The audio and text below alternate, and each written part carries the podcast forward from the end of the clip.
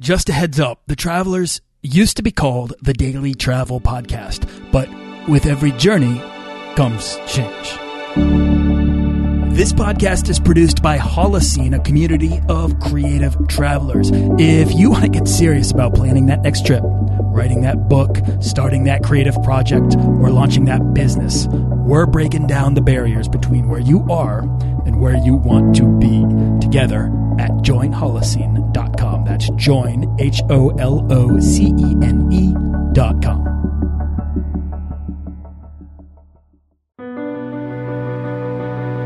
This is episode number six with Johnny Jet.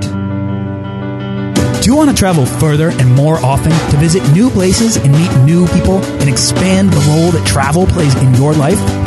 I'm your guide, Nathaniel Boyle, an explorer that wants to help you get out, see the world, and find meaningful, life changing experiences.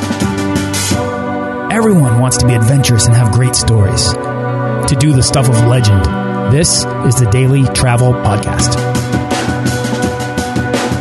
Now, before we dive in, if you want to get started earning frequent flyer miles or points to travel for as close to free as possible, then you can head on over to dailytravelpodcast.com and sign up for the weekly newsletter and get my book, The Beginner's Guide to Points and Miles, completely free.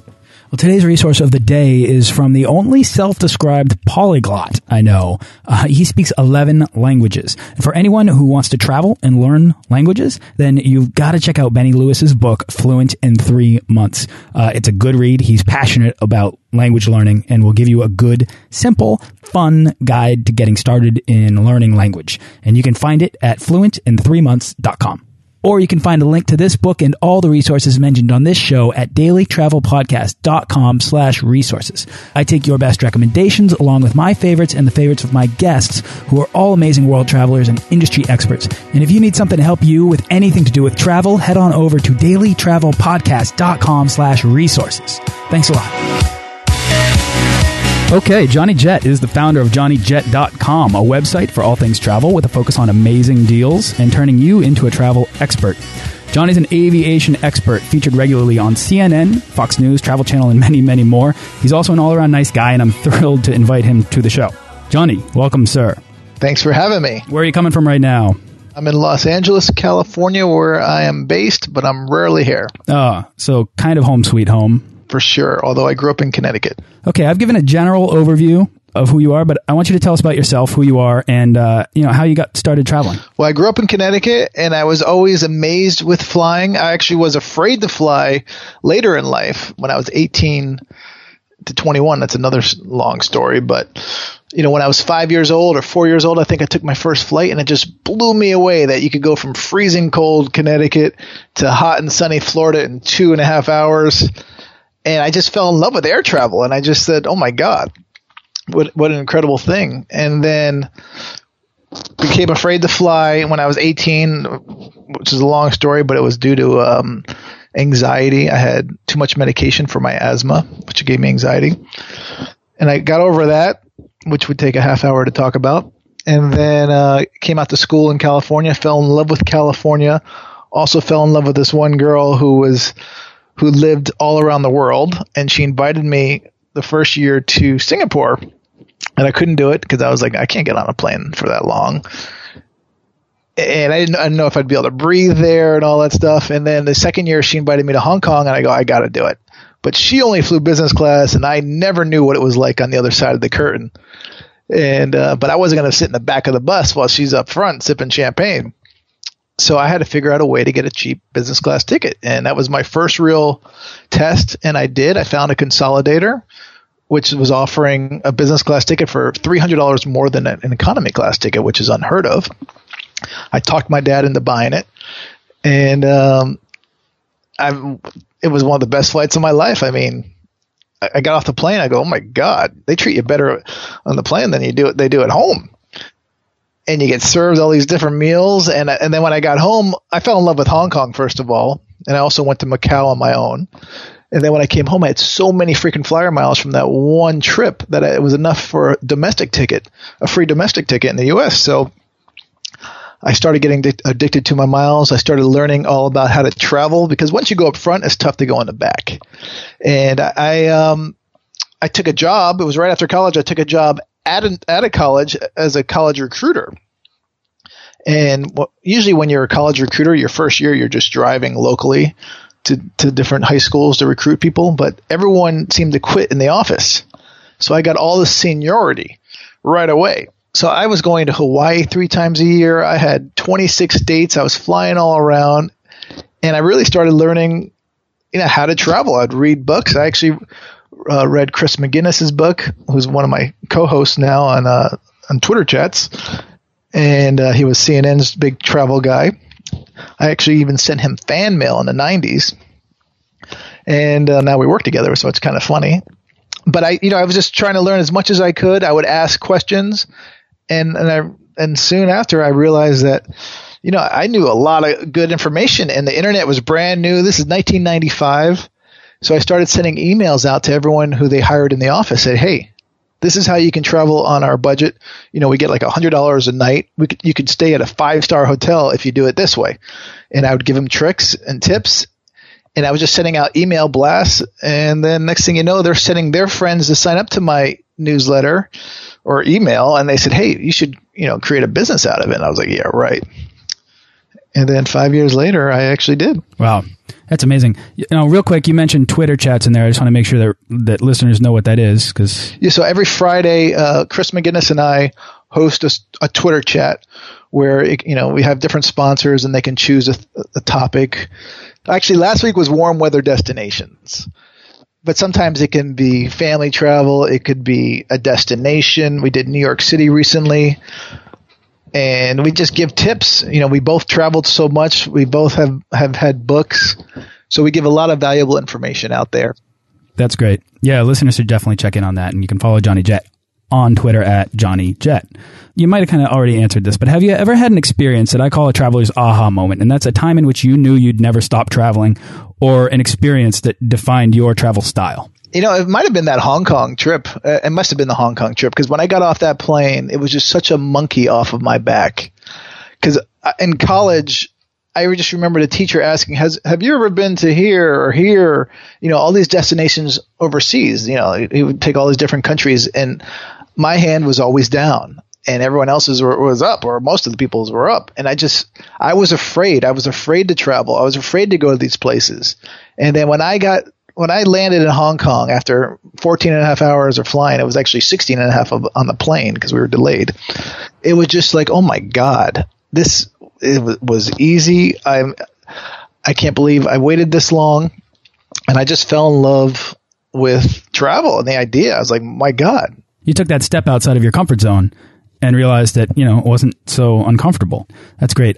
I want to uh, kind of cut to the chase here. And before we finish up with a, uh, a lightning round, I, uh, I want to talk about a topic that stops many people from ever venturing to a new place. You mentioned it before, and we'll try to cover it briefly here, but that's the fear of flying. And I, I wanted to talk to you about the fear of flying, uh, me particular, because like you, I too was afraid of flying. And actually, uh, admittedly, I kind of still am. Even though I fly dozens of times a year, I'm a, I'm a nervous flyer. I can't help it. It's the one thing I'm afraid of. And every time I get on a plane, I face my fear. So I guess my question for you is, as someone who is still afraid of flying, how did you work to get past your fear? Well, it was, you know, for those three years from 18 to 21, it was, it was rough. I mean, I was uh, even afraid to leave the house at times. I think how I got over it, well, first of all, I went to a homeopathic doctor and he was like, man, you're on way too much medication. So he weaned me off my regular medication. I'm still taking it, but and I was still afraid, and, and once in a while I still get nervous. But um, I think how I did it, i t- I've realized how much safer it is to fly than it is to drive. And you know, I, I would read books, I would ask pilots, and I would I'd go to the airport and pretend I was going on a plane you know, if I was going to pick someone up, I would, I would, you know, walk into the airport and pretend that I'm actually getting on the plane and waiting, and I could feel the anxiety. And I'd also bring music or the newspaper with the sports scores that I really wanted to read about, and I and I I waited the whole day not to find out what the score was, so I could you know right when I got on the plane, I take my mind off of it because the worst part for me was you know before we took off, just sitting there waiting. Once we took off, my fear went away, except when we get you know some turbulence once in a while. Right, right. Now you're kind of plugged into aviation in the aviation industry. Have you ever chatted with a pilot about flying? Oh uh, yeah, I mean for sure. Uh, many times. Does that bring you any sense of relief or? Sometimes it brings me fear. Sometimes it's best not to know everything. Yeah, I, well, I was just sitting at an airport a couple days ago, and before I boarded my plane, I heard the the stewardess. This is in Chicago uh, during one of the storms there, snowstorms, and I overheard the flight attendants walking by saying, "Wow, the pilot said we almost couldn't land." And I was thinking, oh my God, I'm about to get on this plane and take off in, in a situation in which a plane could barely land. Yep. That's not very comforting. Well, I've gotten off Yeah. planes before because I, you know, had a bad feeling or or anxiety, and you know, just a few years ago, that's happened to me. I especially have a difficult time when I'm going on really long flights. Like just mentally, I'm like, oh my god, I'm going to be on a plane for 18 hours or 14, 15 hours. But once I get on the plane, it all just goes away. It's just thinking about it beforehand, like, oh my god, you know, I'm going to be over, uh, on a plane for so long. But once you get once you get in a plane, it you know it goes away because you realize these. First of all, the flight attendants do this daily, and they're always doing it. And you, and you look at them, and and and you just look at the statistics. It's just so much safer to fly. I, one time, I was flying from London to L.A. and we landed in L.A. and the British Airways pilot got on the PA and said, "Hey." Welcome to Los Angeles. The safest part of your journey is now over. and he was not lying. I mean, Right. Obviously, the statistics are great. It's all comes down, I think, to anxiety. and It all comes down to, for me, it's anticipating the worst, and you really have to think positively in order to get past your anxious moments, in order to get past your fear. If if that is what is preventing you from getting on a plane, from seeing new places, it, it all seems to boil down to putting yourself in positions that are uncomfortable and seeing how you react to them or seeing how you respond to them and growing from there. and I don't like small planes, by the way. I'm not a fan of like really Me neither. Of, of, like prop planes. I I do everything to do avoid those. This this summer I was in Africa and I had to take I took seven planes in one day.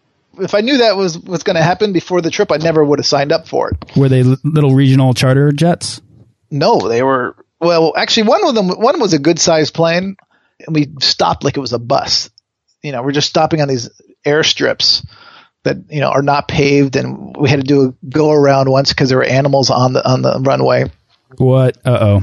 And then a couple of the other ones were, was, were smaller planes, which I do not like, especially when there's like one pilot. Because what happens if the, the pilot has a heart attack or something, and, and our pilot was pretty heavy, and I was just sweating bullets back there. I know the feeling. I know the feeling. All right. Now it's time for the lightning round where we uh, boil down the how and why of travel into pragmatic advice. I like the boil boil down part. Thank you. All right. Are you ready? Yeah. Okay. For a lot of people, taking that first step out the door can be the hardest part of travel. So, what's your advice for anyone dreaming to take that first step to becoming a world traveler? You just got to do it. Everyone has excuses, and I and I was number one at making excuses. You know, I said I didn't have enough money, but you know, and people who say they don't have enough money, that's BS because they sit there and they'll go to Starbucks every day and buy a five dollar latte or whatever. If they if they save that and just did not have that latte or, or brought lunch from home instead of going out, they can definitely save enough money for a trip. And even if you are completely broke, you can still couch surf you know, couchsurfing.com where you can sleep on people's couches for free. So there's really no excuse money wise. Health wise, I can understand, you know, if you have some kind of disease or whatever. M- most people will say money is a reason, but another is fear. You know, I know so many people are afraid to travel overseas just because they sit there and they watch, listen to the media, you know, or certain news channels where, which, you know, put fear into people. Just, you just got to go out there and do it. The more you expose yourself, the the easier you're able to filter those uh, those messages. Right. And- Or they don't want to go alone. So many times they're like, oh, my husband or wife doesn't want to go or, or my friend doesn't want to go. Just sign up and do a tour by yourself or just go by yourself. There you go. Okay, Johnny, there are so many flight search tools out there. This is a question in your wheelhouse. What's your process for finding the cheapest airfare? It's a long process, but first of all, on my website, I do have a search engine, which you just put in the city pairs and the, and the dates, and then you can check mark like Expedia, Priceline, Hotwire, American Airlines, whatever, and they'll all open up at once. I also use ITA software, their Matrix, which is great for like a flexible search calendar. You can't book on there. But there's really not one place out there that has the cheapest deals. You have to search around. Also, Southwest.com. Southwest doesn't put their fares on any search engines. So you got to go to their website if you're going to a destination where they fly, because sometimes they're cheaper. They used to be always cheaper. Now that's not so much the case. Of course, they're oftentimes better too. Yeah. And it all depends. And if you're going to Europe, let's say one time I was flying New York to Sardinia, it was like $3,500 for the ticket. And I was like, that's ridiculous.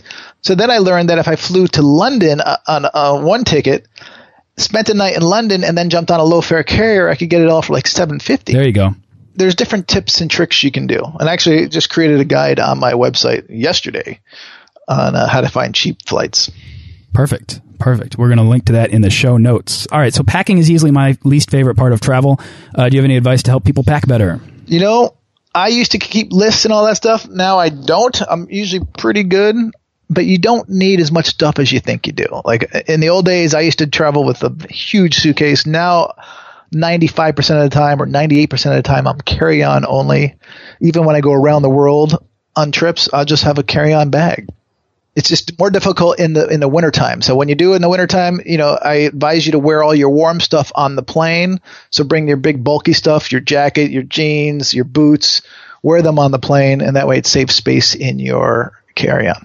Do you have a favorite internet travel tool or resource? Favorite internet tool? Well, I, I do like that ITA matrix for finding fare deals.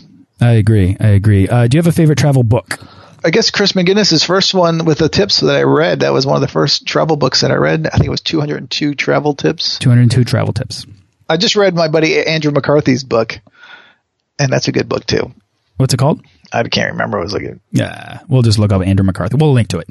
And if you haven't already, you can get this book or any book mentioned on this show for free from Audible.com by going over to freetravelbook.com. So check that out. Uh, do you have a one piece of indispensable travel gear that you take everywhere you go? My laptop, my definitely my laptop. or my cell phone, my, my phone, my smartphone. It's amazing how everything is just consolidated into these two devices. Yeah, I also have a travel journal. Oh, there you go that I write in when I get on the planes. It's another way I take my mind off of um, flying. All right, last question. What's the weirdest thing you've ever eaten?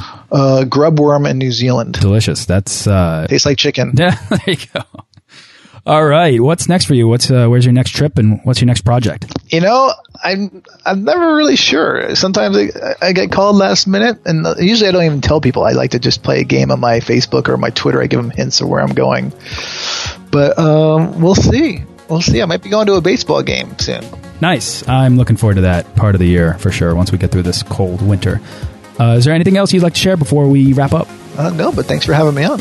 Yeah, no, thank you. How can people who are interested in uh, signing up for your newsletter, how can they go about doing that? It's free. Just go to johnnyjet.com, J O H N N Y J E T.com. One T. I'm not related to Joan. And also, I'm on Twitter at JohnnyJet. Thanks so much for coming on the show, Johnny. Thanks for having me. All right. Podcasts really depend on your input, particularly your reviews. And if you could leave me a review on iTunes, I would be forever thankful. I'll even feature your review on the show. So feel free to ask any travel question or leave your best travel tip, and I'll try my best to get it here on the show. Thanks for listening to this episode of the Daily Travel Podcast. For show notes and links to everything in this episode and more, head on over to dailytravelpodcast.com. Join our Facebook page of explorers and subscribe to our newsletter for the best deals and resources to help make your next trip life changing.